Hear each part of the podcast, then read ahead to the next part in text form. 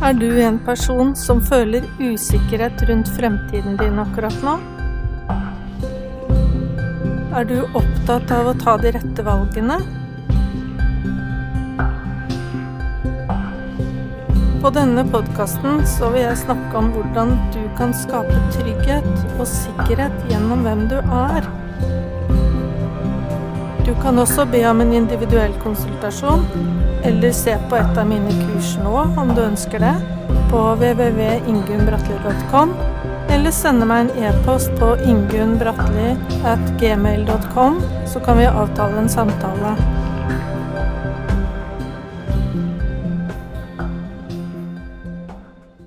Hei. I denne podkastepisoden så har jeg valgt å fokusere litt på utenforskap. Mange vet at jeg har vært opptatt av inkluderende arbeidsliv. Jeg har vært opptatt av å snakket for de som har av en eller annen grunn, og det er mange grunner til at man havner utenfor arbeidslivet som ufør. Og for å belyse det temaet her i dag, så har jeg invitert med meg en gjest. Det er ikke en hvilken som helst gjest, for det er eh, en dame som har havnet utenfor arbeidslivet. Men i tillegg så er hun også rammet av Nav-skandalen. Velkommen skal du være så mye, Heidi Skjetne. Tusen takk, Ingunn. Det som er interessant, det er jo å få høre litt om hva er det egentlig som har skjedd? Hva er grunnen til at du har havnet utenfor på den måten du har blitt? Ja, det er jo selvfølgelig et stort spørsmål. Nå fikk jeg innvilget uføretrygd jeg eh, sommeren 2019. Fire måneder før det så eh, fikk jeg skulle si, innvilget en fengselsdom. Så du, fikk, så du, fikk, på en måte både uførhet og fengselsdom samtidig, omtrent? Samme, samme året, ja. ja. Det høres veldig voldsomt ut. Kan jeg få spørre deg, Heidi, hvor gammel er du egentlig? Jeg er akkurat fylt 50. Så du er jo fortsatt ganske langt unna av eh, den normale uførheten, for å kalle det sånn, da? Ja, jeg vet det. Ja. Hva er det som egentlig har skjedd siden du har blitt ufør i så ung alder? Oi, det, det, det er vondt å svare på. Det er ja, vondt jeg kan forstå det. det. Ja. Eh, nei, eh, altså eh, Nav Jeg oppholdt meg i Spania i ett og et halvt år sammen med min daværende samboer og mine tre små barn fra 2012 til 2014. Og da vi kom hjem derfra, så gikk det bare et par måneder før eh, Nav kom på banen. Og, og, og, og eh, i løpet av et par måneder konkluderte med at jeg hadde eh, utført noe potensielt straffe... Ja, hva det heter Straffbart. Straffbart, ja. Men nå er det jo Eh, etter at Nav-skandalen sprakk, så er det jo konstatert at det var jo ikke ulovlig. Så, men, eh, så du hadde jo lov, lovlig grunn til å, opp, å si, oppholde deg i utlandet? I hvert fall et EØS-land? Eh, ja, det stemmer. Men, men, som du vet, så har Norge ikke fulgt det regelverket som gjelder for alle EØS-land. Så gikk det heller da ikke lenge før politiet ringte. Da var jo fortsatt lille Cornelis, han minsten min, bare tre år gammel. Og de, de sa rett ut at, at du, du, får minst ett år i fengsel for dette forholdet her. Da var han tre og de to andre fem og, og syv-åtte år gammel. Så kampen min begynte jo da, for jeg tenkte at det, det kan jeg ikke. Jeg kan ikke sone ute i Bergen landsfengsel i Åsane i, i, minst ett år, som de sa. Med en treåring og, og to andre små barn. Men var var det, slik at du var ufør allerede da, eller var det Nei, da hadde jeg masse glød. Og jeg drev et eget firma Ja. Og hadde en god del kunder. Og, mange, og flere, fire samarbeidspartnere som, som, jeg altså leide inn på oppdrag. Og det, eh, det var kjempegøy. Jeg hadde endelig følt at jeg kom, var kommet litt på plass. Sånn, her, her, kan jeg operere. Her, her, fungerer jeg. Både med evnene mine, men også evnen til å, å, sette ut deler av arbeidet som ikke jeg var best på sjøl. Så dette funket. Jeg hadde en god del kunder her lokalt på Askøy, bl.a. innenfor webutvikling. Og det var jo veldig i tiden da å, endelig skaffe seg nettsider. Så jeg leverte alt fra altså design og til eh, innhold på nye eh, websider. Mm. Det, og, og, det er jo oppgaver som du egentlig ikke er avhengig av å sitte i Norge med. Det kan du jo sitte med hvor som helst, kan du ikke det? Ja, det gjorde jeg. Jeg, jeg, jeg jobbet fra, fra Barcelona jeg, med, med, norske kunder. altså bedriftskunder som skulle ha opp dette her. Så, og de samarbeidspartnerne mine, de som leverte, de satt eh, ja, i Norge og en i England, liksom. Og så da, for all del, da, dette var faktisk aktivitetsplanen min fra Nav. De hadde gått inn på at jeg hadde AAP, og aktivitetsplanen min var å drive i det egne firmaet. Så hver gang jeg fakturerte kunder, så, så krysset jeg av på meldekortet for det. Ja. Og det hadde jeg med meg hjem fra Spania òg. Og så begynte jeg å, å, kjempe mot å havne i fengsel. Men altså, du gjør en eh, jobb, begynner å bygge opp ditt eget firma. Sånn som det høres ut for meg, da. Det med å sitte med jobbutvikling, det kan du gjøre hvor som helst. Og så står det til og med på meldekortet ditt at du sier ifra når du har inntekt, for det må jo så, så jeg kan på en måte ikke helt skjønne jeg, at ikke Nav skulle støtte deg videre i det. Nei. Hva er det egentlig Det var kun det at du jobbet fra Spania eller Barcelona? Ja, det var kun det. Men, men hva med, med, jobben din? Altså, eh, Nav eh, skal jo også støtte deg i å få en jobb. Så hva skjedde egentlig? Måtte du legge ned, eller hva? Ja, jeg, jeg, la ned i løpet av uh, de to første årene etter at politiet ringte og sa at jeg skulle i fengsel. Fordi at jeg var nødt til å sette tross alt tre små unger. Og alle kreftene mine til å stå i det, uh, de, de, de, forvitret. Jeg var nødt til å sette alt inn på å altså, ta opp kampen mot å, å slippe å sitte og sone. Så um, de skulle jo ha meg på, i politiavhør dagen etter at de ringte. Og eh, heldigvis hadde jeg noen folk rundt som sa meg at det, det, går du bare ikke med på, for du klarer ikke å skaffe deg advokat på ett døgn. Så eh, jeg, jeg, var i første politiavhør uh, kan du si, fire måneder etterpå. Da hadde jeg advokat med meg. Og da gikk det egentlig slag i slag. Da gikk det jo bare enda noen måneder før første rettssaken ble satt opp mot meg. Du sitter jo ikke og jobber med kunder da, altså. Eh, så det var bare å forberede seg mest mulig, og hva jeg begynte å tenke på. Hva kan jeg gjøre for å slippe å havne minst ett år i fengsel? Og, og jeg eh, utviklet vel liksom en god del sånn sterk angst den høsten før første rettssaken. Så det ble ikke så vanskelig for meg og han advokaten å få utsatt første rettssaken mot meg. Eh, fordi det som er lett å si at jeg var gått ned for telling, og det var jeg. Jeg hadde helt nok med meg sjøl om å ta meg av ungene. Og, ja, og jobbpotensialet bare helt forsvant. Eh, det å stå i det der. Da må du være sterk òg når du skal selge deg inn og få kunder. Jeg hadde jo allerede en, eh, gjort mye, så, så jeg syns jeg, jeg, kunne vise til, men det var ute av fokus. Og så ble neste rettssaken satt opp tre måneder seinere. Og, og, fortsatt så hadde jeg ikke sånn mye på en måte som tilsa at jeg skulle slippe en, en ubetinget dom og, i fengsel. da. Så da, det som skjedde bare en, en uke før jeg, neste rettssaken var satt opp, så, så, forsvant synet mitt totalt fra ene øyet. Så de ville ha meg på, på Haukeland eh, et døgn til observasjon. Så det var ikke så vanskelig å legge to og to sammen at det var en slags Det fikk jo en diagnose som går på kortvarig blindhet, da. Men at det altså skyldtes helt klart stress.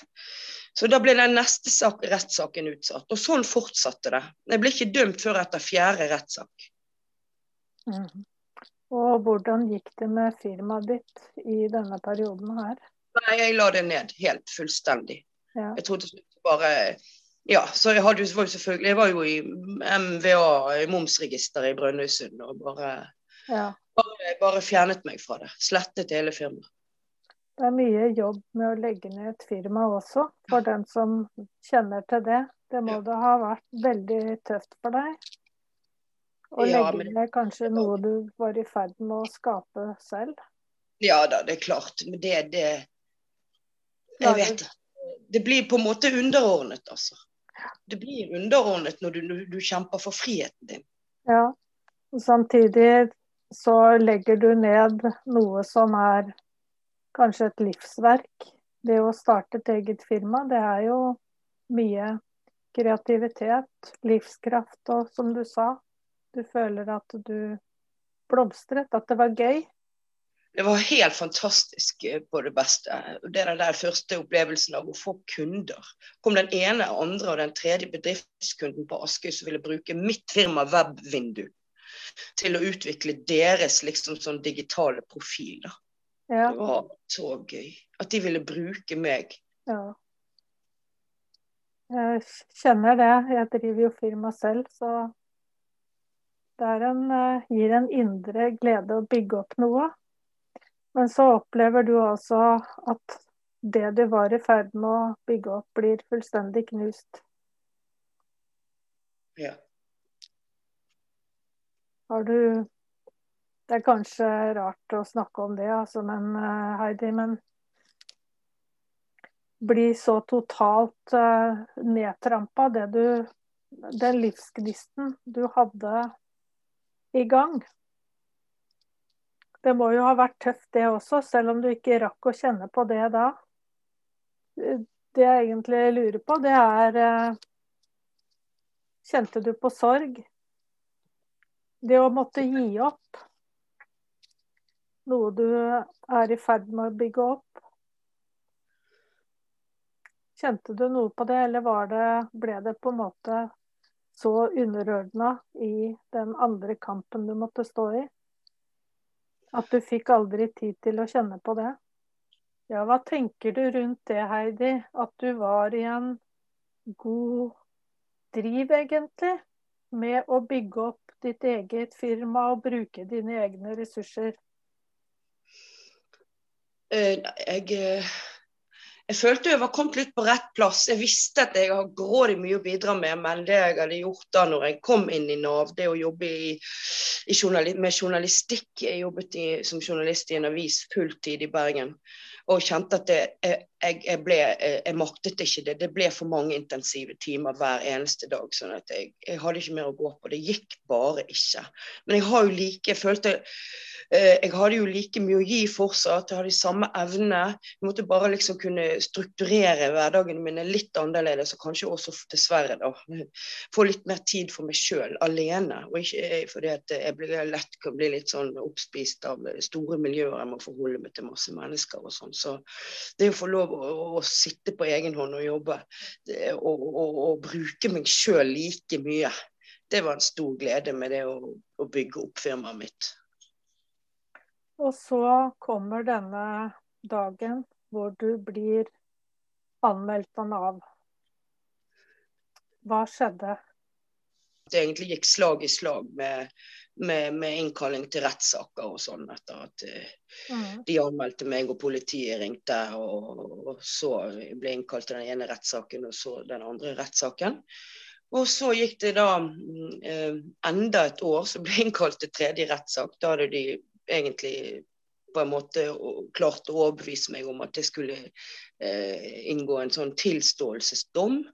Og, og ja, det, det det ble, det ble, veldig traumatisk for meg. For jeg stilte alene. Advokaten min hadde ikke fått beskjed om at han skulle komme. Han hadde nå for så vidt sagt til meg på, i forkant at det der Heidi er veldig enkelt. Du skal bare svare, du. Og så det er bare nesten sånn, Han ga meg inntrykk av at det var en sånn én-til-én-person. Kanskje to til stede.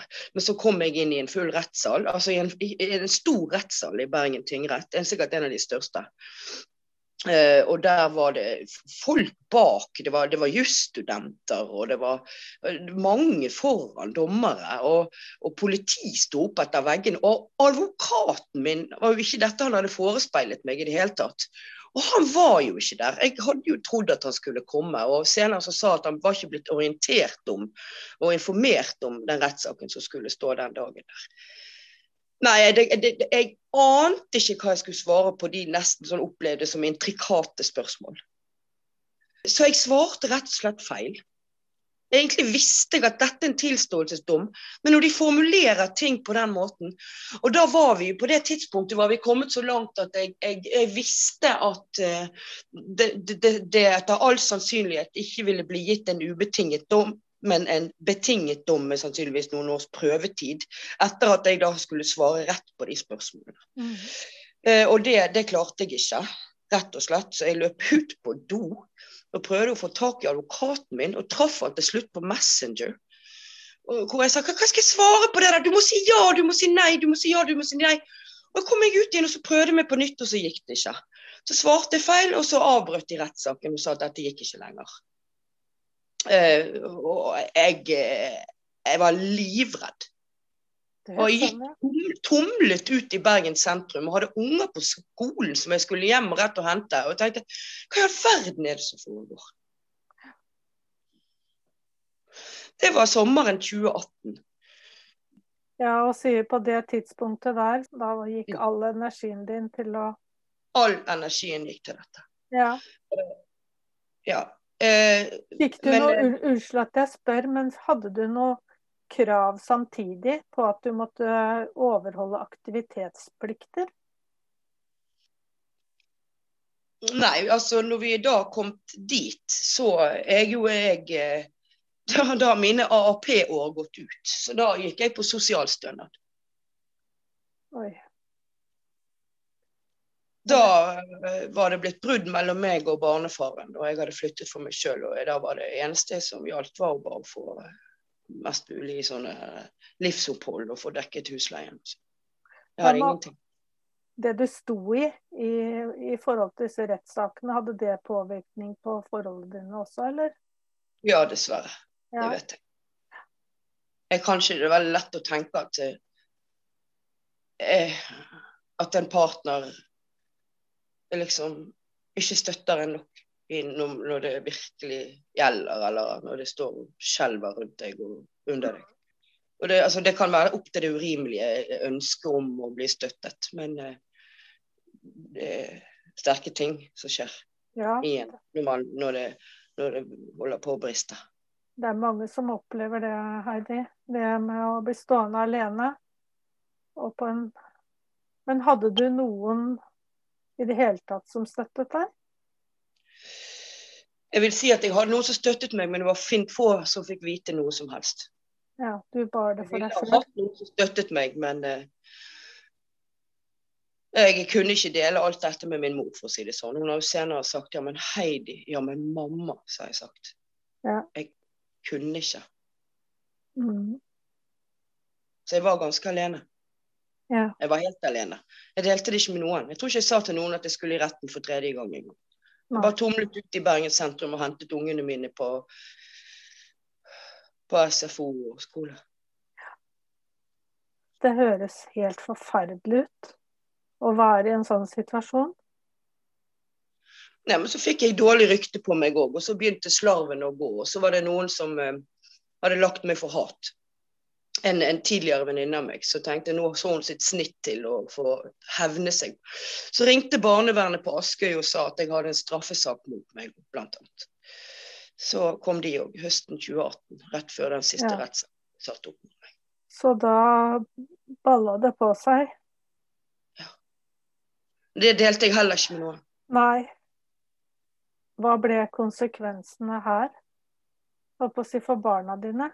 Du mistet Nei, altså, ja, det, altså det ble jo hjemmebesøk utover denne høsten før jeg skulle endelig bli dømt. da. Så eh, saken ble selvfølgelig henlagt, og, og konklusjonen eh, var jo fenomenalt skrift over meg som mamma. Med god kontakt med barna mine og så videre. Ja. Saken ble faktisk henlagt uken før jeg skulle stille i Bergen tingrett for fjerde gang. Og jeg ble dømt. Så kom brevet fra barnevernet om at saken mot meg var henlagt. Mm. Så skjønner du, det blir ikke mye tid til å skulle til si selvrealisering. Nei. All energien går på å forsvare friheten din, som du sier. Og så er det, det er det også andre som har fortalt at mennesker med andre intensjoner kan bruke det mot deg for å ta deg, som du sier. Ja, jeg var ikke i tvil om at det var det som var den, den kvinnens hensikt. For å få finne støtte på en negativ visering av deg. Ja. I 2000, dette var i 2019, var det det det jeg fortalte deg nå om den, siste, den tredje rettssaken, den, den jeg ble stående alene i retten der uten advokaten min, og at barnevernet kom, det var sommeren og høsten 2018. Så gledet jeg meg til god, godt nyttår, liksom. Da visste jeg at nå blir den eh, siste, den fjerde rettssaken satt opp mot meg i, i, i februar 2019. da. Det visste mm. jeg. Og da ble dommen 40, 40 dagers betinget fengsel og to års prøvetid.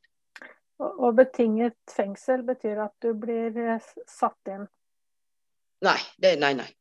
Betinget eh, eh, ikke, ikke, å sone. Men, eh, men, når du da får to års prøvetid, så er det slags du får en utsettelse av den ubetingete dommen, altså dommen om å sone, i to år. Ja. Du får to år på deg til å se hvordan du har skikket deg underveis. Så skjer det noe underveis, så er det rett inn, for å si det enkelt. Så akkurat nå, for noen uker siden, så feiret jeg at prøvetiden min er over. Og så eh, Hvordan var eh, kontakten din med Nav i denne perioden? For, for det du var, du var, gått over på sosialhjelp, sa du? Du hadde kanskje ikke noen kontakt med Nav? Nei. Ja, jeg hadde jo egentlig litt kontakt med Nav i forbindelse med sosialhjelpen, bare for å få dekket strømutgifter og sånne ting. Ja. Nei, den var, den var jo jeg var, jeg var henlagt.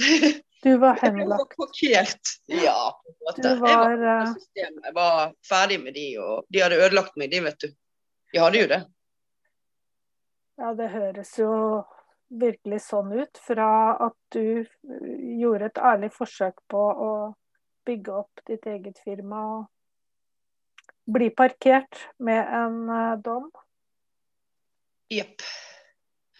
Nå skriver vi jo snart uh, syv år altså, fra Nav tok kontakt med meg for første gang og politiet ringte. Og her jeg sitter i dag. Det nærmer seg syv år. Syv år. Hva tenker du? Er du blitt bitter? Ja. ja. Jeg er blitt bitter. Jeg er faktisk bitter. Jeg er det. Mm. Jeg er det. Og det er ikke en side jeg liker ved meg sjøl. Nei. Jeg er ikke like glad lenger. Jeg ikke like, gleder meg ikke så mye over ting lenger, bortsett fra barna mine. De gir meg den sanne, genuine gleden. Mm. Og vi gleder oss sammen. Men ute så er ikke den samme. Ute blant folk, ja ja, tenker jeg, ja ja. Mm. Kan lett bli misunnelig på folk òg. Bare sånn at de har det, de har det, de fikser det. De har, har den og den mm. jobben. For jeg er jo fattig òg, sant. Jeg har bare uføretrygd. Ja. Jeg vil kanskje dra på vinterferie. Du sier du er bitter, og det er jo veldig, veldig vonde følelser å gå og bære på. Ser du noen muligheter for å komme tilbake og være Heidi igjen? Med den gløden du hadde? Jeg vet ikke. Man sier jo at er man ødelagt, så er man faktisk ødelagt. Altså, er du halvveis ødelagt, så er du en vei opp. Men jeg føler det meg ødelagt. Du føler at du er helt ødelagt? Ja, jeg gjør faktisk det. Mm. Syv år av et liv er ganske mye. Det blir ja. så mye dramatisk underveis. Ja. ja. Det er lang tid, det. Sorg. Kjenner du på noe sorg, eller? Jeg føler meg mislykket. Jeg føler at det ble Sånn ble det med meg, liksom, i livet. Det var mitt liv. Altså, det hører, jeg er overhodet ikke suicidal, det har jeg aldri vært. Jeg er en veldig sterk syke, veldig glad i livet, grunnleggende sett. Men eh,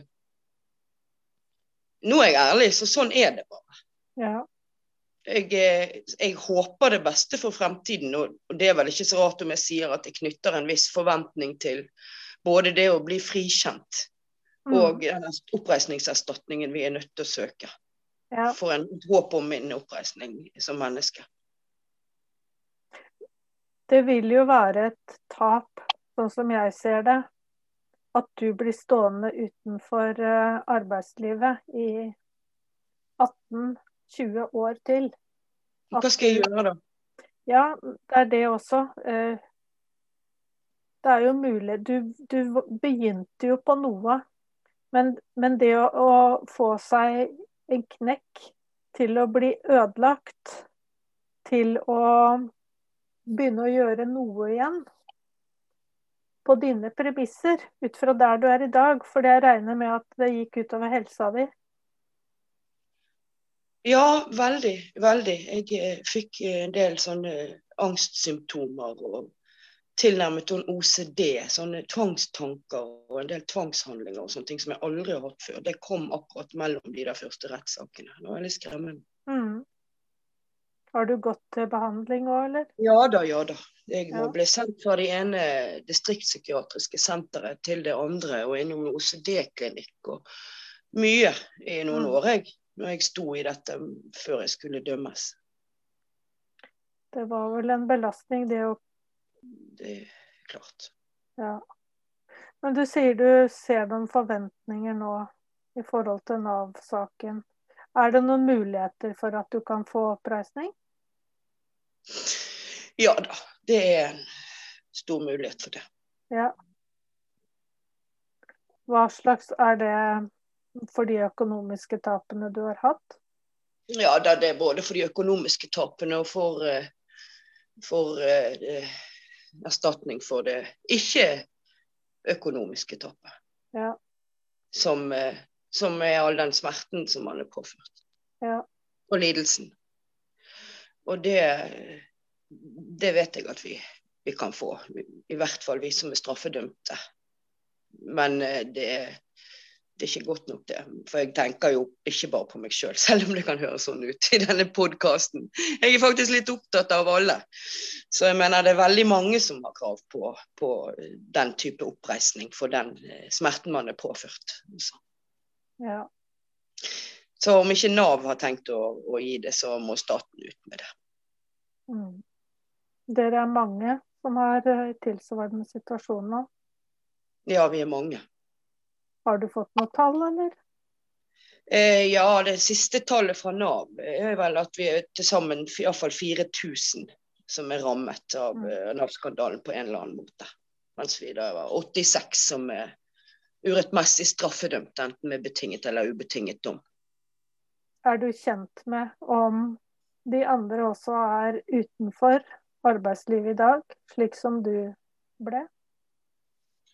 Ja, det gjelder vel samtlige jeg kjenner er utenfor arbeidslivet i dag. Ja.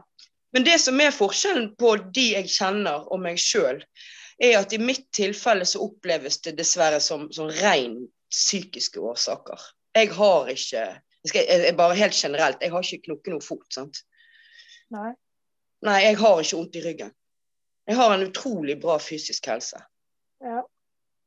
I motsetning til mange sant? som kom inn i, i Nav-systemet på den måten, så uh, var ikke det helt sånn for meg. Det var hodet som på en måte måtte ha litt mer ro til å drive arbeid. Mm. Min erfaring er at mange identifiserer seg med det de har blitt utsatt for. Ja. Nei, jeg har eh, en god venn blant, annet, blant disse her Nav-ofrene.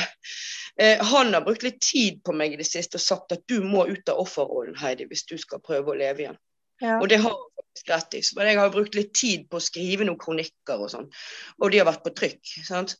Eh, sånn at i aviser. Så, og det har vel sagt meg på en måte at jeg får til noe. Jeg tenker, jeg setter det ned på papiret, og det blir trykket, og at det har vært en slags eh, eh, ja, tilbakemelding av det gode. Men, eh, men uh, nå eh, må jeg eh, sikkert, som han vennen min sier, ut av offerrollen for, å- for å kjenne glede, for å komme meg videre. Jeg kan ikke liksom drive bare å, og være i den offerrollen. Så det er håp. Ja. Det er jeg veldig glad for eh, at du sier. Jeg opplever å høre deg som en ressurssterk person, og som du sier sjøl, så har du god fysisk helse. Men at du har fått deg en psykisk knekk. Så til slutt, Heidi, kan du si noe om hvordan denne saken og det du har opplevd, har forandra deg? Mm. Ja, den har forandret meg, det, det er helt klart. Jeg er ikke den samme glade personen som jeg var for ti små, åtte og syv små år siden. Det har vært et sånn voldsomt jag mot meg alle disse årene her. Det har vært slitsomt. Det har vært ekstremt slitsomt. Det har vært noe hver måned. Ja. Og det har vært så slitsomt at jeg, jeg tror ikke jeg har kommet helt ut på andre siden. Og jeg er ikke ferdig med å tenke på at dette aldri skulle ha skjedd. Nei. Kampen har vært ekstremt eh, intens Mm. for meg for å unngå å sone. Det er mest av alt. Så jeg har ikke kommet ut på andre siden. Jeg har ikke Jeg kjenner ikke på noe ekte glede lenger, bortsett fra når jeg er sammen med barna mine. Ja, du sa i stad at du følte bitterhet. Ja, det er nok en del av min personlighet i dag. Ja. For det var du ikke før. Eller Det var ikke det du Det som er deg. Nei, det er ikke det som har vært meg. Nei. Jeg har aldri vært av den misunnel- misunnelige typen i det hele tatt. Jeg har vært så glad nok og god nok i meg sjøl. Og jeg har tenkt at jeg har tatt mine veier, og det står jeg ved fullt ut. Mm. Jeg har hatt en sånn grunnleggende glad sjel. Vært det, ja. Men, men det, så jeg, jeg, jeg, det er ikke lett å komme ut av offerrollen. Jeg føler jeg er blitt ofret i en sak, og jeg er fortsatt nede. Og det gjenstår fortsatt eh, litt i saken din i forhold til erstatning. Jeg har lyst til å ønske deg lykke til med resten av uh, søksmålet, eller ja, jeg vet ikke hva du gjør. Men det blir vel å reise sak om oppreisning. Jeg ønsker deg lykke til med det. Jo, tusen takk. Og til uh, dere lytterne så har eh, denne episoden kanskje gitt et innblikk i hvor tøft det kan være, og hvordan det var å havne utenfor i arbeidslivet. Har du kommentarer, har du innspill, har du spørsmål til meg, så kan du kontakte meg på ingunnbratli.alfakrøllgmail.com. Eller så ønsker jeg deg en riktig, riktig god dag videre.